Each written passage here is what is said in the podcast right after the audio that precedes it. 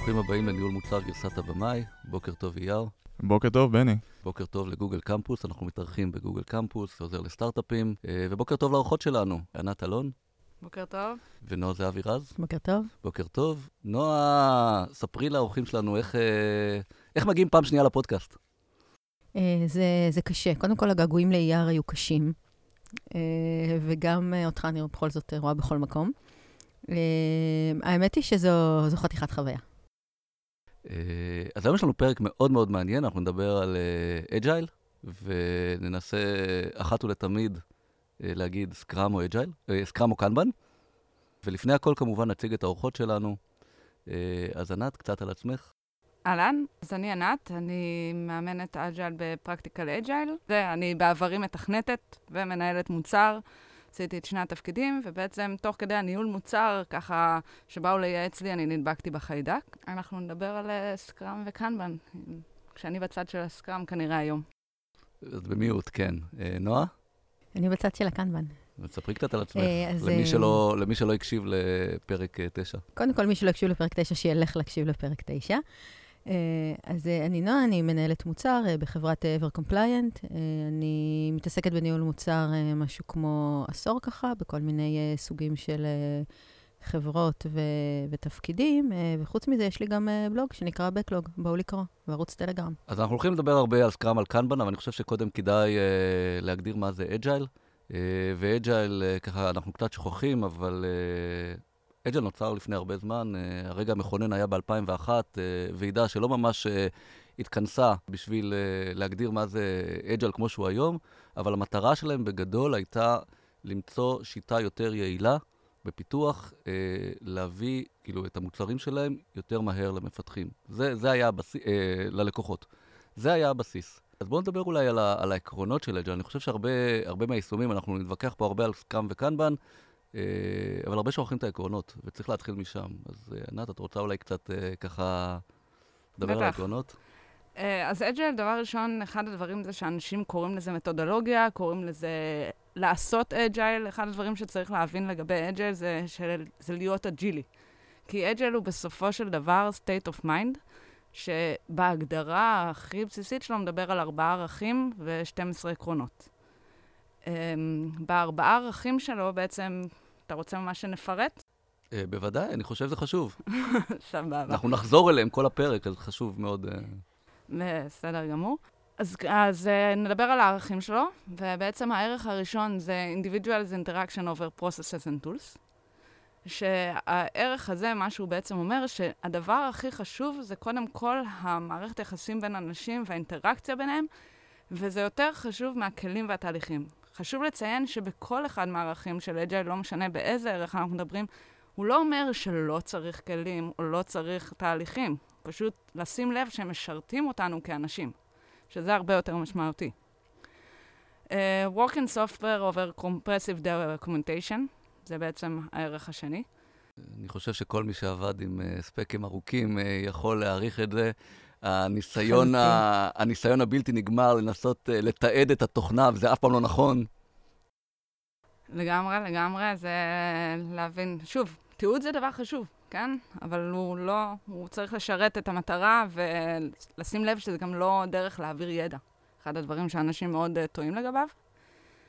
הדבר השלישי הוא Customer Collaboration over uh, Contract Negotiation, שבעצם פה אנחנו מדברים על, גם זה נראה לי ברור, של שיתוף פעולה עם הלקוח ולא להיות כל מי שהיה עם חוזה מאוד דרקוני, בעצם כי אנחנו, עד שהמוצר לא יוצא, אנחנו כל הזמן מקבלים פידבק לוב, ואנחנו רוצים להיות מסוגלים להגיב לשינויים.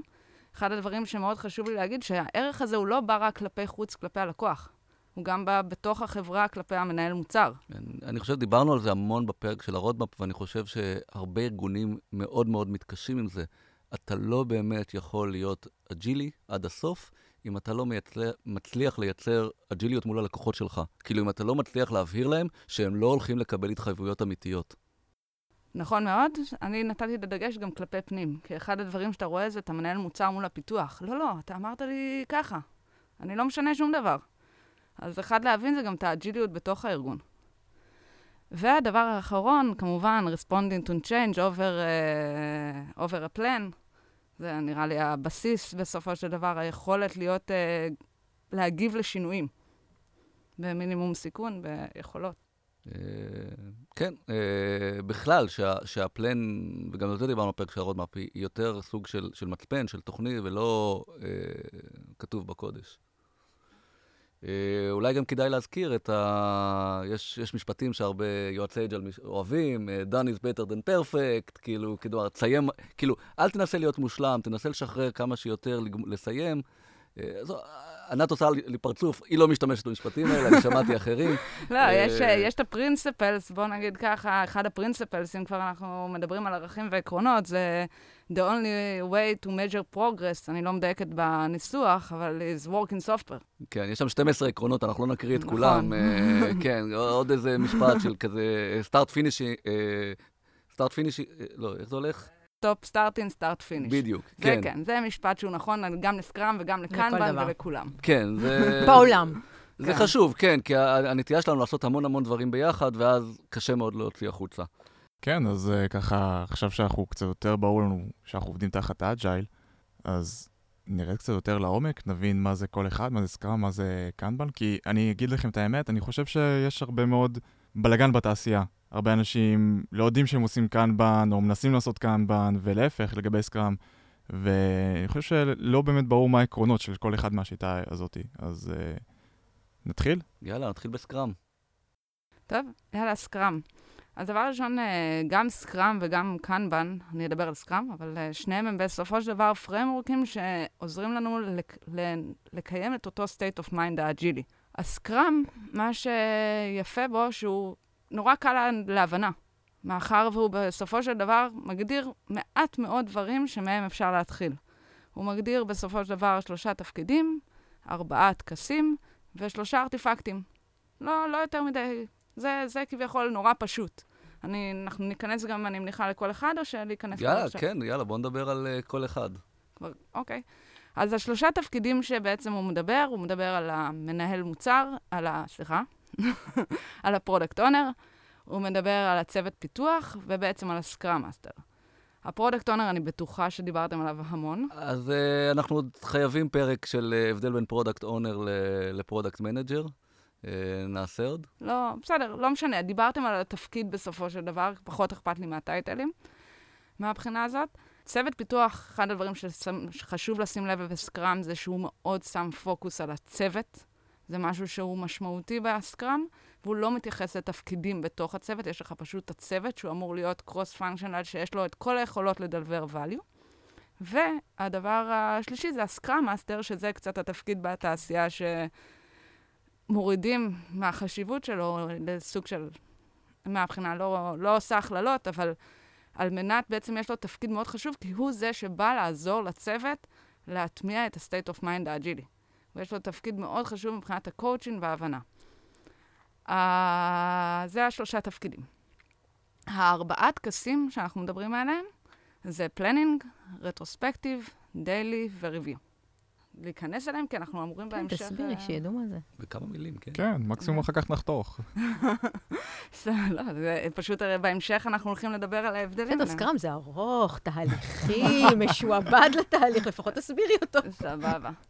אוקיי, אז הרעיון בסופו של דבר, אה, אז אני אתחיל. יש אה, בסקראם מוגדר ארבעה טקסים למעשה. יש לנו, מתחיל, ב Scrum אנחנו בעצם עובדים בספרינטים, קבועי זמן, כשבתעשייה בדרך כלל הספרינט הממוצע הוא שבועיים, אבל לגמרי הוא יכול להיות גם שבוע. Uh, מהבחינה הזאת, בכל ספרינט הוא בעצם מתחיל בתהליך של טקס ראשון, זה ה planning, שבו הצוות בעצם מתכנן את מה הוא הולך לבצע במהלך ה sprint. Uh, בשלב הזה יש לי הרבה מה להגיד על זה. זה מבחינת העניין שהוא מחולק לשני חלקים. החלק הראשון זה החלק שבו הוא בעצם מסתכל ועושה forecasting על מה הוא הולך בעצם לבצע, והחלק השני שהוא ממש יורד לפרטים לאיך הוא הולך לבצע את העבודה כעבודת צוות uh, ביחד, ולכן הוא בעצם מפרק למשימות. לאחר מכן מתחיל הספרינט. בעצם בספרינט בכל יום אנחנו מבצעים daily, uh, פגישת daily, שהמטרה של הפגישה של ה daily היא בעצם לראות, היא לא פגישת סטטוס, חשוב לציין. זו בעצם פגישה שהמטרה שלה לראות איך אנחנו עושים, ממשיכים את התכנון. עשינו משהו תכנון בהתחלה, איך אנחנו עכשיו רואים והולכים להשיג את המטרה שלשמה התכנסנו בספרינט גול, שדרך אגב, ממנו הכל מתחיל בעצם בפלנינג. ואנחנו מסיימים את הספרינט בעצם ב-review, שבו אנחנו מציגים מה נעשה ומה דן. זה גם דבר חשוב, בעצם אנחנו מציגים רק דברים שהגיעו לדן, definition of done זה חלק מהדברים שאנחנו מגדירים בסקראם. ולאחר מכן הצוות בעצם מתאסף לרטרוספקטיב, שבו ברטרוספקטיב הוא מסתכל ובוחן את עצמו, איך הוא יכול לעשות tune and adjust על עצמו, כדי לראות איך הוא עצמו הופך להיות יותר פרודוקטיבי. שימו לב, חשוב להבין, פרודוקטיבי לא אה, יעיל. איך הוא יותר הופך להיות אה, ממש פרודוקטיבי כדי להגיע לתוצאה שהוא רוצה. אז אנחנו ניגע בכל אחד מהדברים, אני בטוח. בואו קצת אה, נדבר רגע, על אבל קנבן. הארטיפקטים. השלושה ארטיפקטים זה ממש בקצרה, ה product backlog, צבר הדרישות למעשה, ה sprint backlog, זה התוצאה של ה planning בעצם, וה burndown chart, שבו עוזר לנו, אה, ארטיפקט שעוזר לנו לראות את ההתקדמות של הצוות, ובעצם לעשות ה planning על בסיסו במהלך הספרינט. אז Kanban. Kanban. אה, אז Kanban זו שיטה שבכלל התחילה בתעשייה, אה, שיטה יפנית במקור, התחילה בטויוטה, ובשלב מסוים אה, עברה הסבה לפיתוח תוכנה. אני חושבת שהדרך הטובה ביותר לתאר קנבן היא פשוט לציין שזו שיטה שהיא מאוד חופשית. אני חושבת שזה מה ש... שמאוד מאפיין אותה. אה, לטוב ולרע, אגב. אה, אין בה את הטקסים, למשל, אה, של הסקראם, אם כי רוב צוותי הקנבן. צוותים שעובדים קנבן שאני מכירה, מבצעים דייליז, ובצדק. אה, הרבה לוקחים משיטות כאלה אחרות. או אחרות. אה, בגדול, אה, קנבן אה, מושתתת על אה, סוג של אה, לוח. אה, אה, אפשר אה, לראות אותו, נגיד, בסיליקון אה, וואלי, זו דוגמה טובה לקנבן, הם כל הזמן מזיזים שם פתקים מצד לצד. אה, אז זה לוח שמחולק לטורים, ומתחילים בשמאל בדרך כלל ב backlog, שזה בדרך כלל רשימת רעיונות. אה, משתנה מחברה לחברה, יש מקומות שבהם כל מי שרוצה יכול להוסיף פתקים ל backlog, ומשם זה עובר, לממי... ה product בעצם ממיין ל-to-do. אה, יש מקומות שבהם ה backlog הוא אך ורק של ה product, אבל זה כבר עניין של שיטה של בחירה. באופן כללי, איזה טורים יהיו בלוח ה Kanban של אותה חברה, זה תלוי, אה, תלוי מקום. ה basic זה בדרך כלל שיהיה backlog, יהיה to do, זאת אומרת, הדברים שעברו את ה-cut וכרגע נכנסים ל, לפיתוח, ואז יש את ה-in progress, אה, QA, done. אה, definition of done, גם ב Kanban יש, גם ב Kanban יש stories, גם ב Kanban אתה מגדיר מה אתה רוצה להגיע. ההבדל המרכזי הוא שאין ספרינטים תחומים, אלא יותר דלבור רציף. זאת אומרת שברגע שמשהו מוכן, תאורטית אפשר כבר להכניס אותו לגרסה ולשחרר. רוב המקומות, שוב, שאני מכירה שעובדים קנבן, עדיין מאגדים בסוף ומוציאים גרסה כדי לא להתיש את הלקוחות, אבל, אבל מבחינת צוות הפיתוח וה, והעבודה שלו, יש פה משהו שהוא ברצף. כשהדבר אולי החשוב ביותר לזכור בקנבן זה הוויפים, שזה בעצם המגבלה. אם אני אשים כל מה שאני רוצה ב-to-do, ב... בפרוגרס, מה שיקרה לי זה שיהיה לי צווארי בקבוק שלא נגמרים, ולכן אני מגבילה. למשל, בכל רגע נתון עובדים על ארבע משימות.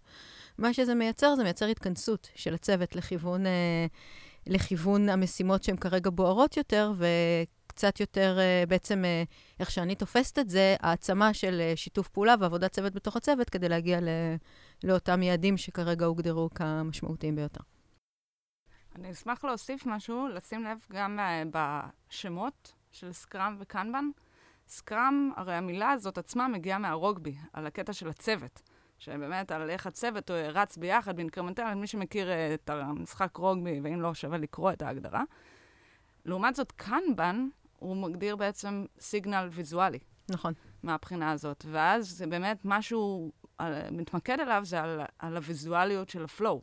את תיארת רק עמודות, אבל בעצם הרעיון נכון. אפשר לעשות איזה עמודות שרוצים. נכון, זה, וזה כרטיסים שזזים מעמודה לעמודה, כמו טרלו נניח. אז, אז באמת, לי... יש יתרונות וחסרונות לכל אחת מהשיטה, אנחנו ננסה לחדד, ו, ואני חושב שבצוות הנכון כל שיטה יכולה לעבוד מושלם, היא מתאימה לדברים שונים, אבל בכל זאת יש לכל אחת מהשיטות flow uh, uh, בסיסיים, שמה שנקרא קוראים ל abusers uh, לעשות להם. Uh, אז בואו נעשה ככה... לגעת, לגעת בחלק מהדברים. הערה, אני לא חושבת שבכל, שכאילו שאם הצוות הוא טוב, כל שיטה תעבוד, אני חושבת שזה אה, מאוד אה, תלוי בסוג המוצר ובסוג החברה, לא רק ב, בצוות. זה נכון ש Kanban פחות יעבוד אם מפתחים פחות מנוסים. אז אה, רן בריימן באמת שאל, את יודעת, בקבוצה, אם, אם קשור באמת לשלב המוצר, שלב החברה. אני, אני, אני לא בטוח. כלומר, אה, זה כן קשור לאופי הצוות.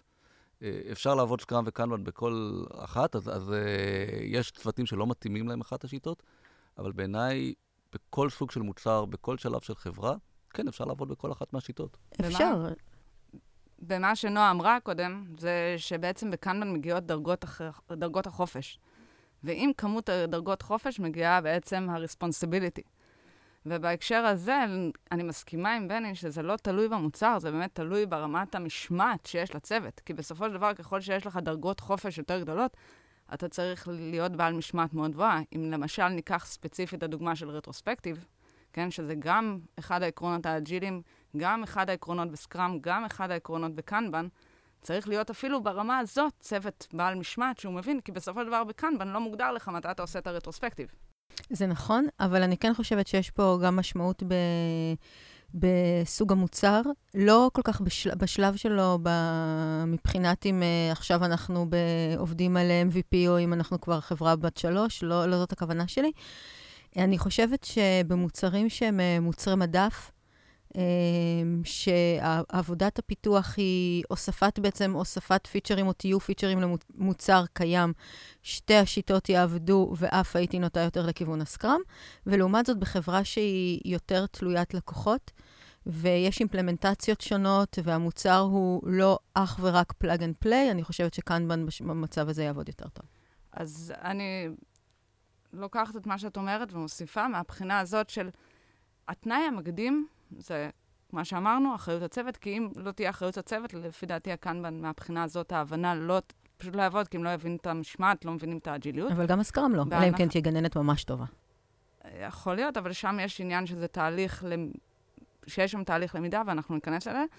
בהקשר אבל של המוצר, אם אני מסתכלת על מאפיינים, שכמו שאמרת, אז אה, אחד הדברים ש... טיקטים של סופורט למשל, על באמת, כנראה שקנבן מאוד מתאים. הוא מאוד מאפיין, זה לא, אני לא הייתי אומרת שזה פר המוצר, הייתי מאמר, אומרת יותר שזה פר הכרטיסים. נגיד מוצר, שהמנהלי מוצר והצוות מאוד טובים בלפרק אותו למשימות מאוד קטנות, שבעצם יכולות לעבור את אותו flow כל המשימות, אז אחלה. במידה והפלואו, כי אנחנו בעצם עושים ויזואליזציה של flow, הוא זהה, זה גם אחלה, כי הוויזואליות בקנבן היא מאוד טובה. בסקראם יש לך את הוורסטיליות שאת בעצם לא, את אומרת סוג של uh, to do in progress done. את לא נכנסת ממש להצגה של הפלואו, ולכן את, יש לך יותר ורסטיליות בסוג, הדריש, בסוג האייטמים שנמצאים לך בבקלוג. ואת יכולה בעצם להיות יותר גמישה בעניין הזה. בבקלוג, אבל מצד שני, ברגע שנכנסת לספרינט, על הבכתי ואחותו, תנסי לשנות איזה משימה, אם כרגע נכנס משהו דחוף מלקוח. אני לא מסכימה עם זה. זה קצת יותר קשיח. זה עוד פעם, זה יותר קשיח בהרבה מהצוותים. ש... אני, אני אגיד מה הכי מפריע לי בסקראם, בסדר? אני לא חושב, זה יכול לעבוד. אני... הסיבה שאני מאוד לא אוהב את זה, קשורה בעיקר, בעיקר, בעיקר לפלנינג, אוקיי? ויש שם כמה סיבות למה אני לא אוהב את זה. אחד, לפני שאתה מגיע ל planning, אפשר לדבר רגע על מה ש... להתייחס אליה, לזה? לקשיחות הזאת? כי הקשיחות לא קשורה ל planning. היא כן קשורה. אוקיי. אוקיי, בעיניי, עוד פעם, וביישום, ויכול להיות שבתיאוריה יש איזה, יכול להיות שבתיאוריה יש איזה חלום מושלם שבו זה לא קשור, אבל ביישום שאני רואה את, ברוב צוותי ה Scrum, אה, יש את ה planning. אז אחד, בעיניי, היות, וכבר דיברנו על זה בהמון פרקים, מפתחים, אה, אולי אחרי 50 אה, ספריטים של סקראם הם יודעים, מפתחים לא יודעים להעריך את הזמנים שלהם, הם ממש גרועים בזה, אה, והרבה מהם מרגישים שזה, וגם אני מרגיש כשזה קורה בסקאלה, שיש קצת איזשהו בזבוז בנו, אני חצי יום או יום או כמה שלוקח, של, של אה, פשוט לעשות planning במקום לרוץ קדימה. הדבר השני, וזה קשור גם לספרינטים ול planning, זה דורש כל, ה, אה, כל הדבר הזה של לנסות לפרק בדיוק שייכנס לספרינט, אה, לקחת את הסיפור במקום, יש, אם אני מסתכל בקנבן, אז בו זמנית יש לי את ה... חמש, את ה-15 stories קצרים מאוד, שכל אחד מהם לוקח יום והצוות רץ עליהם, ובמקביל אה, יש משהו ארוך תשתיתי שרץ שלושה חודשים, ולא צר, ואני לא צריך להתאמץ לפרק אותו. זה לא שהוא לא מפורק לחלקים קטנים של, של delivery, כן? כדי לבדוק. אבל לא צריך להתפרק אם אה, חלק אחד הוא שבועיים, וחלק אחד הוא שבוע, וחלק אחד הוא שלושה. הצוות, אותו squad, או אותו צוות שרץ עליו, יכול לרוץ עליו. יש, יש הרבה הרבה יותר ורסטיליות, ובגלל שגם לא עשיתי planning, אז כשנכנס עוד שלושה באגים מלקוח, אז זה מפסיק את זה לרגע, עושים את הבאגים, חוזרים. אוקיי? אין פה, אין פה את כל הקשיחות הזאת ש, ש planning מחייב. אז בואו נתייחס למטרת ה planning, אוקיי? הדבר ראשון, לפני מטרת ה planning, מה, מבחינתי, מה היתרון ב Scrum? ו- וזה מתייחס ככה לשלב של החברה. הרבה חברות, במיוחד גם בארץ, נמצאות בשלב שהם בעצם עבדו בדרך מסוימת, והשינוי למהות האג'ילית מאוד... זה state of mind, לשנות state of mind זה דבר, תהליך קשה. בגלל זה ה Scrum הוא סוג של כיתה א' בהקשר הזה, לעומת קנבן של כיתה ב', כי הוא קצת אומר לך, נותן לך יותר גבולות אה, איך לעבוד. והוא מתחיל בעצם ב planning. מה הוא מלמד אותך ב planning? ב planning, כמו שזה, הוא מלמד אותך את העבודת צוות. שעד עד הרגע הזה שבעצם עברנו לשיטה האג'ילית, אה, ל-state of mind האג'ילי, בעצם הרבה צוותים היו רגילים לעבוד ב WIP נורא גדול, מהבחינה הזאת שכל חבר צוות עובד על משימה אחרת. אחד הדברים שאנחנו רוצים גם מהקנבן וגם ב Scrum זה להוריד את ה WIP, להוריד את ה-work in progress. ה planning בא ללמד אותנו לעשות את זה. איך הוא בא ללמד אותנו לעשות את זה? אנחנו בעצם לוקחים forecast על מה אנחנו הולכים לעשות, ובתהליך הזה אנחנו בעצם מפרקים למשימות. הפירוק למשימות, הוא לא מתייחס להערכת זמנים, הערכת זמנים זה משהו שאנחנו בסופו של דבר אוהבים לעשות כי זה נותן לנו ודאות. מה שהוא מאפשר לנו לעשות, הוא מאפשר לנו לפרק למשימות קטנות. אם אנחנו יודעים לפרק למשימות קטנות, זה אומר, אחד, זה שאנחנו מבינים את העבודה. אם אנחנו לא יודעים לפרק, כנראה שיש לנו קצת חוסר בהירות על העבודה. דבר שני שזה מאפשר לנו עבודת צוות. כי אם אנחנו מפרקים להרבה משימות קטנות, זה אומר שאנחנו מסוגלים לעבוד במקביל. עכשיו, מהבחינה הזאת, אם אנחנו עושים את זה בבת אחת או לא בבת אחת, כנראה בשלב א', מאחר ואנחנו רוצים לעבוד לפי הספר, ו... אה, כי אנחנו רוצים קודם כל, כמו כשאתה בא לעשות דיאטה, ואתה עדיין לא יודע מה אתה עושה, אתה קודם כל תעקוב לפי הכללים, ואז תראה אם, אם אתה לא תעקוב, יש סיכוי שאתה תסטה מהדרך ולא תבין מה קרה, אז קצת בהתחלה אומרים לך, תעשה לפי הכללים. תעשה בהתחלה planning לכל מה שעשית לו forecasting. אחר כך, כשאתה בשלב משהו מתקדם, אתה יכול גם לשבור את זה.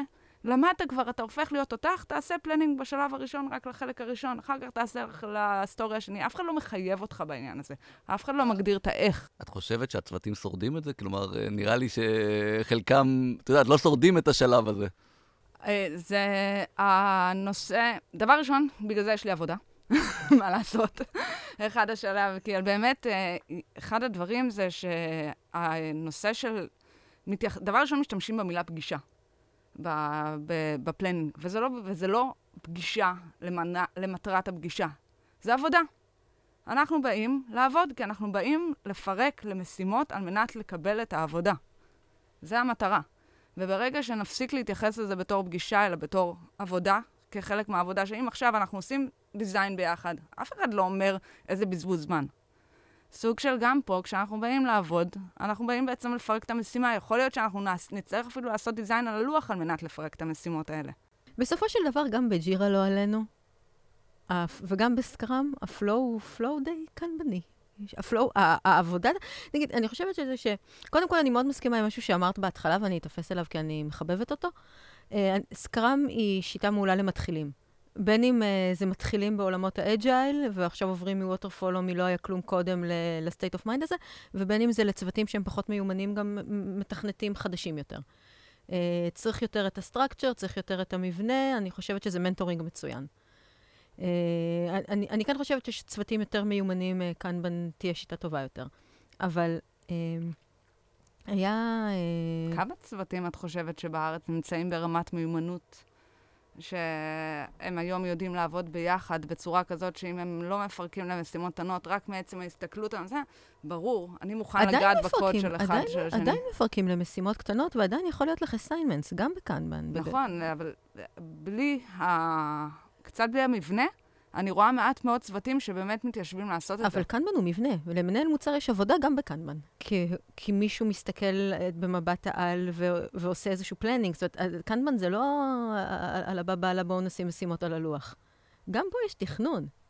בעיקרון, ברור דבר ראשון שיש תכנון, אבל בעיקרון, זה בדיוק קצת ההבדלים בין קנבן ל Scrum. אנחנו יכולים לקחת את Scrum וליישם קנבן בתוכו. אבל אם אנחנו מדברים היום, והנושא של היום הוא Scrum לעומת קנבן, בקנבן, מה שמוגדר בסופו של דבר זה לא המבנה של בוא נעשה planning, זה בוא נסתכל על ה-Backlog בדיוק שיהיה לנו את הרצף, ואנחנו מתרכזים בעכשיו.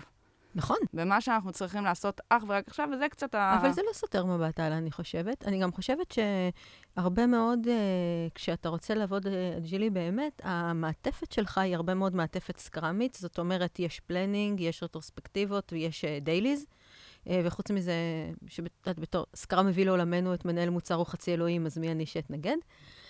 אבל... אני אתנגד. דיברנו על זה בהרבה פרקים. דיברנו על זה הרבה פרקים, כן.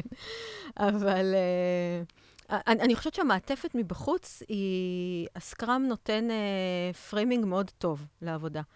אבל... נראה לי אפשר לסיים את הפגישה. אז הרבה... אבל ב-day to day, ב-day to day work, מול פיתוח, אני חושבת שב-day to day, קודם כל, גם, גם לפחות הסתכלות מבחוץ, ואת ראית הרבה יותר צוותים עובדים ממני, אז את יכולה להגיד אם ההנחה שלי אה, נכונה או לא, אבל זה נראה שבסופו של דבר, ב-day to day כולם עושים קנבן. גם אלה שעושים סקראם, ב-day to day עושים קנבן. אז, אז הרבה צוותים... יש להם טיקטים ומעבירים אותם מצד לצד. לא, אז אני חושב, תראי, אבל... אני, אני חושב שהרבה צוותים, אחד, עובדים מה שנקרא סקראמבן, אה, איזושהי קומבינציה, מוצאים את, ה, את הדברים. תחדדו רגע. בסקראם יש לך לוח שיש בו to do in progress נכון. done. ברור אנחנו מזיזים. בג... להפך, מבחינתי תזיזו סטיקי נוטס. ההבדל הוא לא בפתקים ובהזזה שלהם, ההבדל הוא בוויזואליות. ההבדל הוא, לא, ההבדל הוא בעיניי, בגלל זה אמרתי, ההבדל, ההבדלים הנחרצים בעיניי, הם בתכנון, בספרינטים, בחלוקה, שמחייבת עבודה טיפה שונה. אולי, אולי זה המקום לדבר על טקסים. אולי זה המקום לדבר על, על הטקסים, רגע, יודעת. לפני, דיברנו על ה planning, התייחסת עכשיו לספרינט. כן. נכון? גם זה חשוב להתייחס אליו, הרי בסופו של דבר הספרינט, אתם כל הזמן אומרים על הקיבעון. אם uh, באמת uh, ככה, חשוב לציין, אחד הדברים, מאחר ועיקרון, עיקרון, וזה של, uh, של סקראם, זה נראות ושקיפות. מהבחינה הזאת, סקראם מעודד שברגע שמשהו מוכן, לשחרר גם באמצע הספרינט. אני בוודאות, זה שארגונים נתפסים לעניין שיש לנו זה ולא לעשות את זה, זה חש... אי אפשר, זה כמו קצת להגיד, אה, בסדר. אה.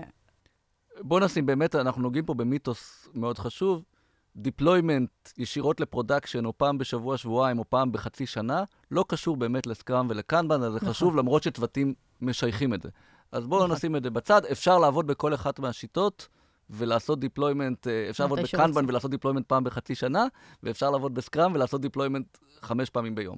הסכמנו. הסכמנו. אוקיי?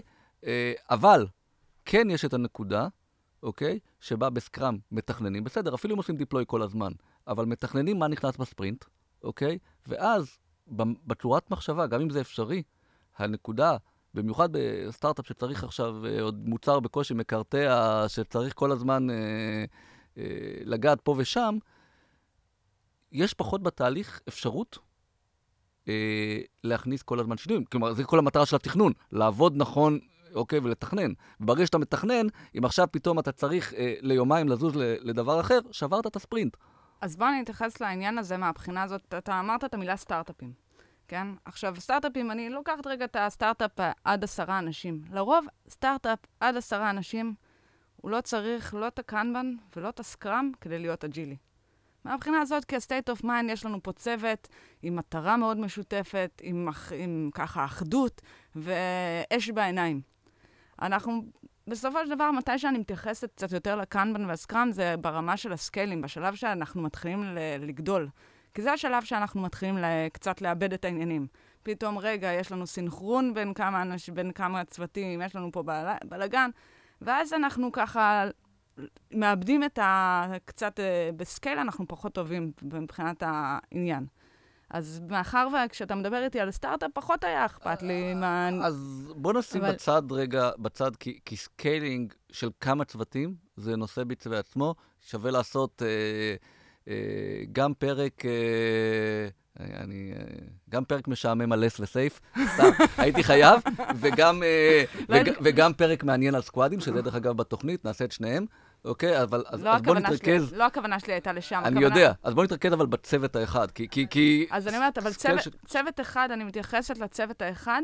אני אומרת, פשוט בצוות, בסטארט-אפ של עשרה אנשים, זה תכלס פחות מעניין, כי הם באמת agile ים, והם גם יכולים לעשות לא קנבן ולא סקראם, ולהיות ב state of mind agile י מדהים. גם ב-30 ו-50 זה עוד סטארט-אפ אה, צעיר. אבל ב-30 ו-50 אני כבר רואה את הבעיות. באמת אני כבר רואה את הבעיות ברגע שהם ב- בדיוק לאחרונה, ב-30 כבר מתחילים להיות בעיות. אז בואו נדבר רגע באמת על הבעיות. מה התסמינים שאני אראה, שאני מבין שאני עושה משהו לא תקין? ושאני באמת uh, צריך uh, או לשנות בתוך ה framework שאני עובד, או להחליף framework. קודם כל, אני אראה צוות לא מאושר. זה בעיניי דבר ראשון. כשצוות סובל, בדרך כלל יש פה בעיה. מהבחינה הזאת, זו אינדיקציה ראשונה מבחינתי. אמ, יש אה, מבחינת אה, אינדיקציות נוספות, בסופו של דבר זה הרבה פעמים התופעה היא אה, הדרה של התהליך, לעומת אה, באמת ה-people interaction of process and tools. בעצם ההדרה לתהליך, שלמשל עובדים בספרינט, אוקיי? ונכנס עכשיו באג מלקוח דחוף, ואנשים אומרים לך, אה, אה, אה, אני לא מכניס אותו לספרינט, כבר עשינו planning. עשינו planning. זה למשל מבחינתי בעייתיות, כי יש פה חוסר הבנה של ה-state of mind. לעומת זאת, אם uh, עובדים על, uh, נלך על קנבן, אם אנחנו עובדים בקנבן, ועכשיו uh, אנחנו מזיזים טיקטים לפי ה flow, אבל כל טיקט לוקח לי חודש. גם זה בעיה, כי מגניב שאנחנו מעבירים טיקטים מצד שמאל לצד ימין, אבל למעשה אין לי שום visibility ות, שום יכולת לראות את ה flow. כל טיקט נמצא לי אה, מלא זמן ב, בתוך, אה, בתוך כל עמודה. ה WIP שלי יכול להיות מאוד גדול. יש, אה, זה רק ככה בשנייה מה שעולה לי. אני חושבת שבנקודת מבט של גם מנהל מוצר, לא רק מבחינת העמידה בזמנים ובטלנקס בפיתוח, גם בתור uh, מנהל מוצר, כשאתה לפעמים uh, באמת, אני, אני כאילו אמרתי חצי בצחוק, אם סטורי שלך הוא יותר מעמוד. אבל, אבל, זה נכון. זאת אומרת, לא בהכרח בעמוד, אבל כשאתה רואה שאתה יושב ומתחיל להיות יותר מנתח מערכות ממנהל מוצר, שאתה יושב וכותב ספקים של עשרות עמודים, prone to mistakes, והראייה היא ראייה שהיא מאוד uh, רק מלמעלה ולמטה, ואתה צריך uh, ללכת ולהתפלל שלא פספסת שום פרט קטן, אז כנראה אתה כבר נמצא במצב שאתה מתחיל להפיל כדורים. ובמצב הזה שאתה מתחיל להפיל כדורים, אתה חייב לחלק את זה לחלקים קטנים. ולשים כדורים בצד, ולעשות juggling רק עם הכדורים שאתה מסוגל, ובשלב הזה אתה חייב, חייב להבין שאתה go agile or die. זה כנראה גם נובע, כל העניין הזה שאתה, אם אתה כותב story כל כך ארוך, זה או שאתה לא סומך על הצוות, או שהצוות לא יודע לעשות, לעבוד עם story קצר יותר. שאלת את עצמך לא איזה ש... לימדת מה. מה השאלה ששואלים, בסדר, בעיניי, וזה לא משנה כרגע אם אתה עובד agile או לא עובד, או אתה חושב שאתה עובד agile, אוקיי, או... בתור מנהל מוצר, וגם בתור uh, צוות פיתוח. אני יכולה לנחש? מה שאתה צריך לשאול את עצמך, זה אם אתה מצליח לדלבר בקצב שאתה רוצה, value ללקוחות, משם התחלנו, נכון? כלומר, אם אתה לא מצליח לדלבר בקצב משביע רצון, אוקיי, אתה לא מרגיש שהצוות יעיל, אתה לא מרגיש שאתה מצליח לדלבר value ללקוחות, אז זה הזמן לשאול שאלה. עכשיו, יכול להיות שאתה לא agile, יכול להיות שאתה agile, אבל זה לא טוב לצוות. שם השאלה. אני מהנהנת, אה, לקחת לגמרי. מסכימה עם כל מילה, זה הדבר הראשון בסופו של דבר. גם יש עוד בעיה, שהרבה מאוד אנשים אה, קראו את The Lean Startup, או לפחות את ההקדמה ל The Lean Startup, וחושבים שהמהות של agile זה תעשה MVP ומשם תמשיך. אה, וזה קצת שונה. זאת אומרת, זה חשוב לעשות MVP ומשם להמשיך, אבל, אבל זה עניין של, של תפיסה שאתה עובד במצב שאתה, שאתה יכול לשנות דברים, שמה שכתבת זה לא קדוש, גם ה story הוא לא קדוש, אה, ו... ואפשר אה, לטשטש גבולות. בגלל זה, אגב, אני אוהבת Kanban. יש לו גבולות, אבל הוא מאוד משחקי. יש לו עדיין את הגמישות. אז אני, אני אתן קצת את האינפוט שלי לגבי העניין הזה. אני חושב שכמו בכל דבר, זה אם יש לך רק פטיש בארגז כלים, כל בורג נראה מסמר. ובאמת אתה צריך גם לדעת מה שאר הכלים שעומדים לרשותך, ומתי להשתמש בכל אחד מהם. ולפעמים זה יעבוד טוב יותר עם סקראם, לפעמים זה יעבוד טוב יותר עם קנבן. אבל בואו באמת נעזור להבין איך אנחנו מאפיינים את הכלי הזה, מתי אני אשתמש בו, מתי יהיה לי יותר הגיון. אז בעצם אמרנו, יש לנו מאפיין מאוד ברור, שיש לנו צוות שאנחנו סומכים עליו, שהוא יודע לעבוד ביחד, שהוא בוגר, קנבן יעבוד, כי הוא עדיין נותן לו את הגמישות, והם יודעים באמת לרוץ לבד. יש פה גם את האלמנט שאם אנחנו, בעיניי, זה לא חוק, אבל בעיניי גם היכולת באמת לחלק לאייטמים קטנים, כאלה שמסוגלים לעבור את הפלואו.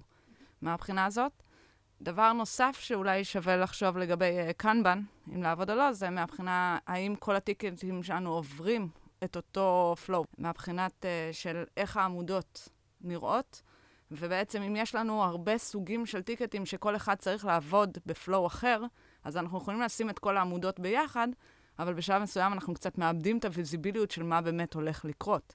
אז גם מהאלמנט הזה, אה, Kanban יכול אה, להיות uh, פחות טוב. אני רק אגיד שיש הרבה פעמים שאנחנו רואים שמישהו עושה, בוחר framework, והוא, גם את ה framework עצמו, הוא לא באמת מיישמים אותו כמו שצריך. אני חושב שזה אחד מהדברים שאפשר לראות, זה מאוד ברור ב Scrum, אם עושים ספרינטים, וכל ספרינט אתה לא מצליח לסיים אותו.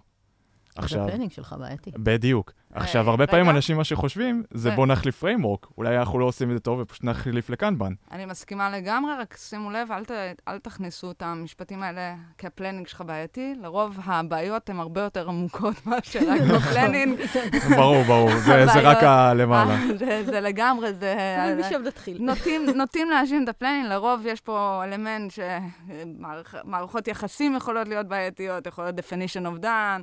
יש אלף ואחד דברים. המעבר ל agile, מה שקורה, וראיתי את זה בהרבה ארגונים, המעבר ל agile, כאילו, יש תחושה של ההנהלה, במיוחד אם היא רחוקה כזה מה, מהשטח, יש תחושה ש agile מייצר בעיות, אוקיי? ובעצם, מה שקורה, זה בדיוק מה שענת אמרה, agile חושף בעיות. כלומר, כל מיני בעיות שיכולת לשים כזה ברקע, אה, לא שמתי לב בכלל, ברגע שאתה עובר ל agile ועובד ומנסה, כל הבעיות צצות. אה, ושם, וזה מה שקשה, זה הרבה פעמים אה, תוקע צוותים. אז פה אני רוצה לחזק את בני, מהבחינה הזאת, וב...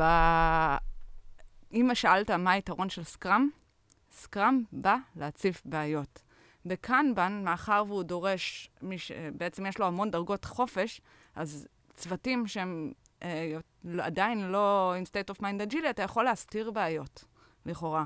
בסקראם, בעיות כואבות יותר. ולכן הוא, יש לו יתרון מאוד אדיר, כי הוא בעצם בא להגיד, אני לא אפתור לך את הבעיה, אבל אני הופך בעצם סקראם, הוא אמפירי, הוא בא לראות איך אני עושה תהליך שהוא כל הזמן מנסה משהו חדש, מציף לך את הבעיות, ובוא תראה, אוקיי, בספרינט הבא אני אנסה משהו חדש, ואתה כן... ואז לא. אם הייתי לוקח את זה, אז לסקראם יש המון יתרון בצוות או ארגון שמסוגל להיכנס באמת לתהליך מאוד אמפירי ולומד, אוקיי?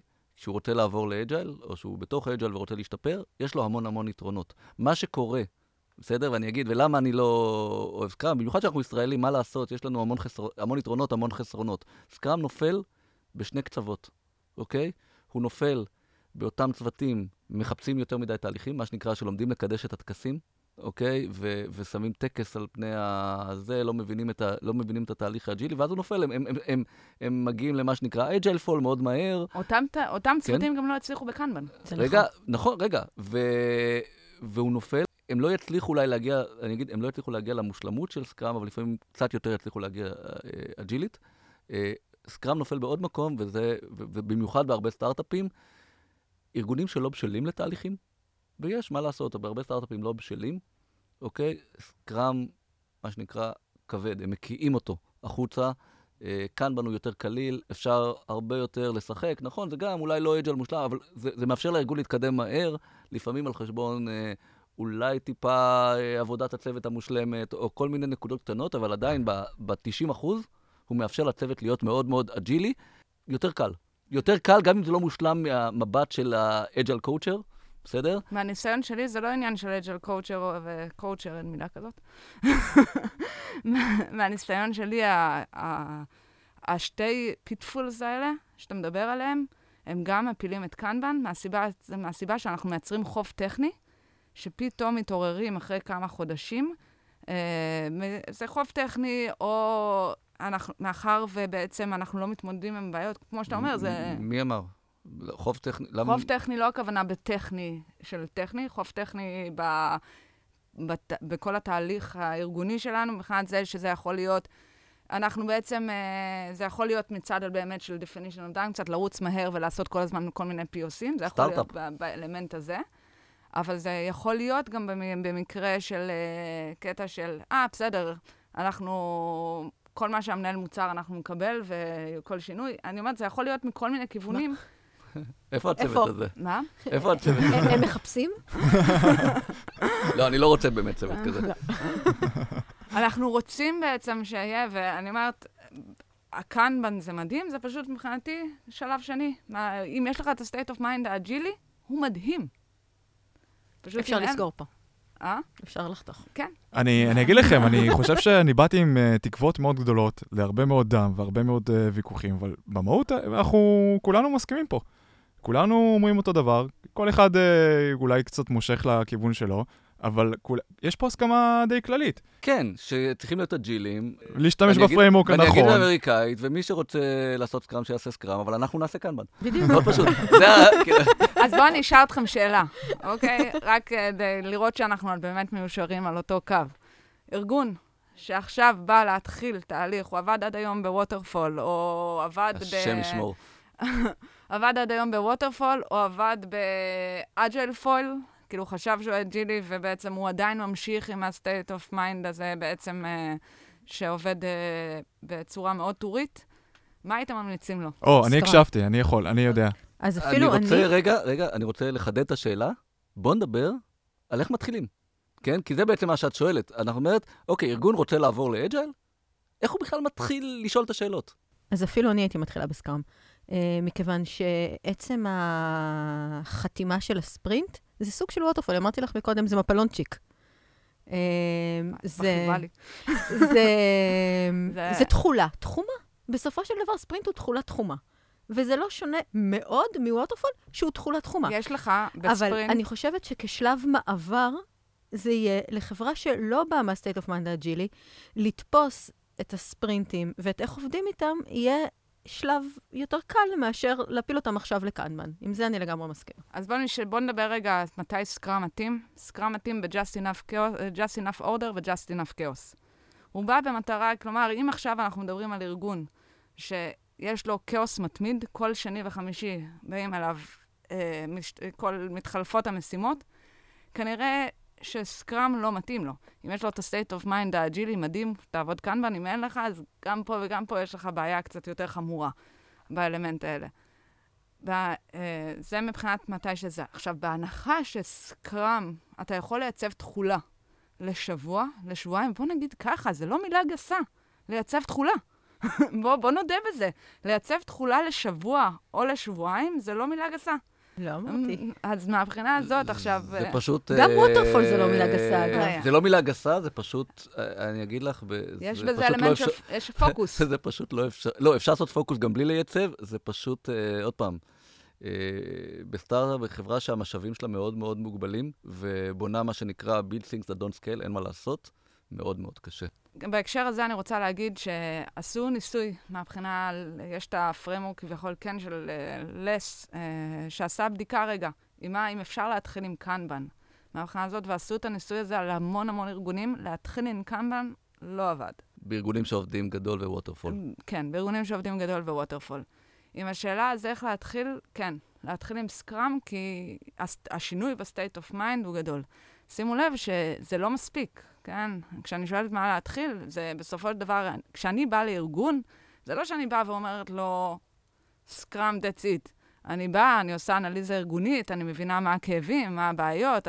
ה Scrum נותן לי רק את ה framework של העבודה, אבל תכלס הטיפול הוא, הוא הרבה יותר מעמיק מזה, זה רק נותן לי את הגבולות שבתוכם אנחנו עובדים. אז uh, כן, כשאנחנו מתחילים בעצם צריך להבין קודם כל את ההנהלה.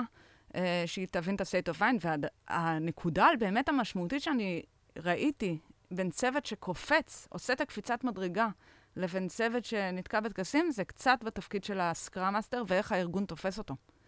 כי אם הוא תופס את ה Scrum Master בתור מזכירה, הצוות יעבוד באמת במקום של טקסים, אה, איך אני עושה ככה או את ה daily לפי הזמן. אבל אם מבינים שהתפקיד של ה Scrum Master זה בעצם המהות האג'ילית, ואיך הוא עוזר להם להבין את זה, וגם להיות Scrum Master מהיום הראשון, זה, יש פה את המילה master, אבל תכלס בן אדם שסתם בחרו, הוא לא master באג'יליות מהיום הראשון. אז כאן זה pitfall כזה ככה, שצריך uh, להבין ולהשקיע בזה למידה, כי ככה... אני רוצה גם uh, לומר uh, עוד משהו.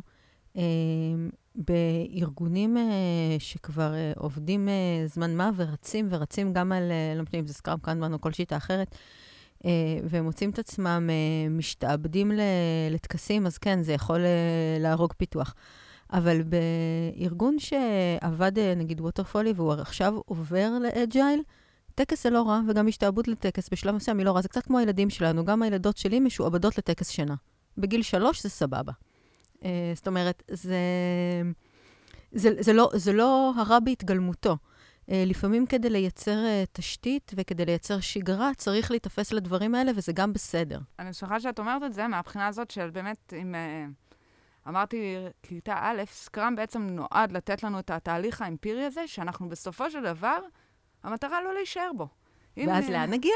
ולא בהכרח לכאן, תסתכלו, אם ניקח כן דוגמה שהיא קיימת, שגם בהקשר הזה בני העלה קודם, ספוטיפיי למשל. לכאורה, ספוטיפיי התחיל ממשהו, מצא לעצמו את התהליך שעובד, ובעצם המציא לעצמו את הספוטיפיי מודל, שאפילו גם זה הוא לא מודל שנתקע, אלא ממשיך כל הזמן לצמוח. הרעיון. אבל חלק מזה זה שכל צוות יכול לבחור לעצמו איך הוא עובד. אה, בתוך זה. ויכולים באותו, באותו מקום, צוות אחד לעבוד בקנבן וצוות אחד לעבוד בסקראם, אה, וזה עדיין עובד. בדיוק, הרעיון הוא להפוך, כאילו, אתה יודע שהצלחת, כשאתה לומד לעצמך ולא לא נתקע על האלמנט הזה של הטקס, וזה מה שהופך אותך להיות, uh, בעצם אתה יודע שאתה הגעת למשהו. אתה יכול להיות, להתקדם לקנבן, אבל אתה יכול גם להמציא לעצמך מודל משלך, וזה מדהים. מה שכן, זה קורה, הטעות פיטפול שקורית בצוותים, זה שהם קופצים מוקדם מדי. הם חושבים כבר אחרי שבועיים, אה, הבנתי את זה. הרעיון הוא קצת כמו דיאטה, אני מזכירה לכם. בהתחלה, אם אתם צריכים, גם אם אתם לא מבינים למה אתם עושים אותה, תמשיכו. אז, אז אם הייתי כזה לוקח את מה שאומר, באמת צוותים שעבדו בווטרפול כנראה יותר קל להתחיל בסקראם. Uh, בתחושה שלי, צוותים, סטארט-אפים שכבר עובדים, גם אם לא עובדים אג'ל כמו שצריך, אבל עובדים מהר, יעיל, כאילו אה, ורוצים קצת יותר למסד את התהליך, כנראה שיותר טבעי להם דווקא להתחיל ב Kanban מאשר לשים את כל, ה... את כל המסגרות. בכל מקרה, אני חושב שלכל צוות יש מקום, אחרי שהוא עובד, לא יודע, חצי שנה, שנה עם דבר, זה, זה המקום לבדוק, להגיד, אוקיי, עובד לי, לא עובד לי, האם צריך להחליף שיטה או רק לייעל את השיטה שאני עובד. זה, זה, זה חלק מה... state of mind האג'ילי זה, זה בדיוק לבדוק את עצמך כל הזמן ולראות מה, מה עובד ולא עובד, ולא להתקבע על תהליך. לעשות retrospective לא רק ברמה של הצוות, גם ברמה הארגונית. בדיוק. Uh, אני הייתי רוצה לגעת uh, עוד בלפחות שתי נקודות. Uh, אחת, זה... כשאמרתי מאיפה מתחילים, זה גם מי מתחיל. אחת הטעויות שאני רואה בארגונים זה התחלה בעיניי רק מצוות הפיתוח, בתוך התהליך, במיוחד שארגון עובד בווטרפול. אף שיטה לא תעבוד אם זה לא, אם מנהל המוצר לא עובד בסינכרון עם הצוות. אם הצוות עבר לעבוד Scrum או Kanban או לא משנה, ומנהל המוצר עדיין אה, לא קשור בנימים לתוך הצוות, אלא כותב stories ארוכים, אז, אז, אז אתה לא אג'ילי, ולהפך, אוקיי? זה חייב להתחיל קודם כל מה discovery. אחד הדברים זה ללמד, במיוחד ארגונים שעובדים waterfall, זה ללמד בכלל את ה-state of mind האג'ילי של ניהול מוצר.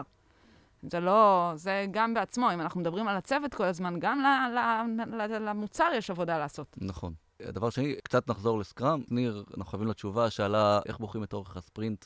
מה היתרונות, חסרונות של ספרינטים קצרים, ספרינטים ארוכים? הרבה ארגונים מתחבטים בזה. אז בוא, דבר ראשון, ההמלצה היא שספרינט לא יהיה יותר משבועיים. זה, אין, אין חוקים, זה פה אני אומרת דעה אישית, אני מורידה את הכובע של האג'ל קואוצ', אני אומרת נטו את הדעה האישית שלי, כי אה, אין דבר כזה best practice. היא לא יותר משבועיים, ואני אסביר למה. מהבחינה הזאת שב... ספרינט שהוא ארוך משבועיים, יש כבר אפשרות להסתיר בעיות. בספרינט של שבועיים, דברים שהם כואבים, הם יכאבו. ואנחנו, מאחר והמטרה שלנו בספרינטים, בסופו של... אחת המטרות, לא המטרה, אבל אחת המטרות בסקראם זה להציף בעיות, אנחנו רוצים ספרינטים שהם יהיו מספיק קצרים, על מנת שיוכלו את בעיות להצוף. אז אם אני צריכה כלל ברזל, הייתי מתחילה עם לא יותר משבועיים, ובלי שום קשר זה גם בדרך כלל מסתדר עם גרסאות, כי אז יש לך ככה גרסה יוצאת פעם ברבעון, מסתדר עם החודשים. גוואלד, כל יום, מה יש לך? רק מה שאני רוצה, הייתי רוצה להוסיף, זה שכשעושים את זה, אני מסכימה איתך שספרינטים לא יכולים להיות ארוכים, אבל אז כשמתכננים, כשעושים את ה pre... pre-pre-planning, את ה roadmap לצורך העניין, מתכננים את הספרינטים, צריך אה, לדאוג לשים לב, אה, או בתוך הספרינט עצמו, או כספרינטים נפרדים, לתת את הדעת גם על ענייני באגים, ענייני performance, זאת אומרת, על כל מיני עניינים שהם לא רק אה, פיתוח ול... זה נכנס לנושא אחר מבחינתי לחלוטין, זה מבחינתי אין קשר, זה כבר ניהול בקלוג, וזה, זה אלמנט של איך להיות, וכאילו, לאו דווקא חייבים להסתכל כל כך קדימה בעיניי זה. לא נפרד. לא, לא הגענו לזה. לא, זה בדיוק נפרד לשאלה. כן, לא אבל- התכוונתי נפרד לנושא, התכוונתי נפרד לשאלה של מה אורך הספרינט. ומאחר ולא סיימתי, כאילו, רציתי לסיים את הנקודה הזאת. הנקודה הנוספת זה, אוקיי, אנחנו אומרים לא יותר משבועיים, אז כמה כן? שבוע, שבועיים? ופה זה אלמנט של יש יתרון וחסרון.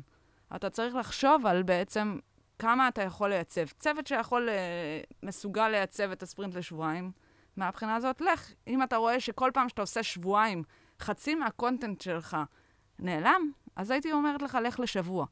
מהבחינה הזאת, כי כנראה שלשבוע אתה תצליח לייצב. בדרך כלל מדובר על ש... שאתה אמור להיות מסוגל לייצב 70-80 אחוז מהקונטנט. ב... בהקשר הזה, שים לב שאם אתה יורד לשבוע, אז ה overhead הוא גדול יותר. חזרנו ל overhead, וזה למה אני לא אוהב Scrum. זה, ה overhead, מהבחינה הזאת, ה overhead הוא גדול, ובהקשר הזה, יכול, בגלל זה קצת אה, שבועיים זה מילת אה, קסם בהרבה מאוד ארגונים שהם גדולים. אוקיי, אה, אז נסכם, אה, נסכם כן. ככה, כי כי אפשר עוד להמשיך, אבל... אפשר להמשיך לעד, אבל אה, באמת נסכם. אבל אנחנו צריכים ללכת לעשות planning. מילה לסיכום? ענת? מילה לסיכום, אני חושבת שהמילה הכי טובה לסיכום היא המילה שבה ענת התחילה בכלל. Agile זה, זה state of mind. ובסופו של דבר איזה מתודולוגיה היא נכונה לך, אני מתה על Kanban. אני חושבת שזו מתנת היפנים לאנושות, זה והחרקירי. אבל בסופו של דבר, כל צוות אה, בוחר את, ה, את המתודולוגיה ש, שנכונה לו. מה שהוא צריך לזכור זה שהמתודולוגיה משרתת את ה Agile ולא את עצמה. כי אז אתה חוטא למניפסטו. אה, אני מסכימה. אני אוסיף גם שלא ללכת אה, כי זה מה שאחרים עשו. בסופו של דבר, אתה צריך למצוא כל אחד את הדברים שמתאימים לך, אתה צריך להבין את הלמה מאחוריהם. יש, אה, בנוסף לקהילה המדהימה של אה, בני, יש קהילה שנקראת Agile Practitioners, שזו בעצם אה, קהילה שמתמקדת בדיוק בכל הנושא הזה של אג'ייל ומאפשרת לשאול שאלות. אה, יש מיטאפים שעכשיו קורים בתדירות מאוד גבוהה, תציצו. אז uh, תודה רבה לכם שבאתם uh, להתארח אצלנו ולהעביר את הנקודה הזאת, שככה בוערת בהרבה ארגונים כבר uh, הרבה זמן. אני רק אציין שככה לסיום, שתמיד אפשר למצוא את הפרקים שלנו בכל המדיות האפשריות, אם זה ספוטיפיי, SoundCloud או whatever, כל השמות האלו. כמובן שיש לנו את הקבוצה בפייסבוק, וכמו שראיתם, אם אתם תעלו שאלות, אנחנו נוכל לשאול פה את האנשי מקצוע, את האנשים שאנחנו מביאים, שיודעים לתת באמת את העצה שלהם. אז תרגישו חופשי, ותודה רבה לכם. תודה רבה. תודה רבה.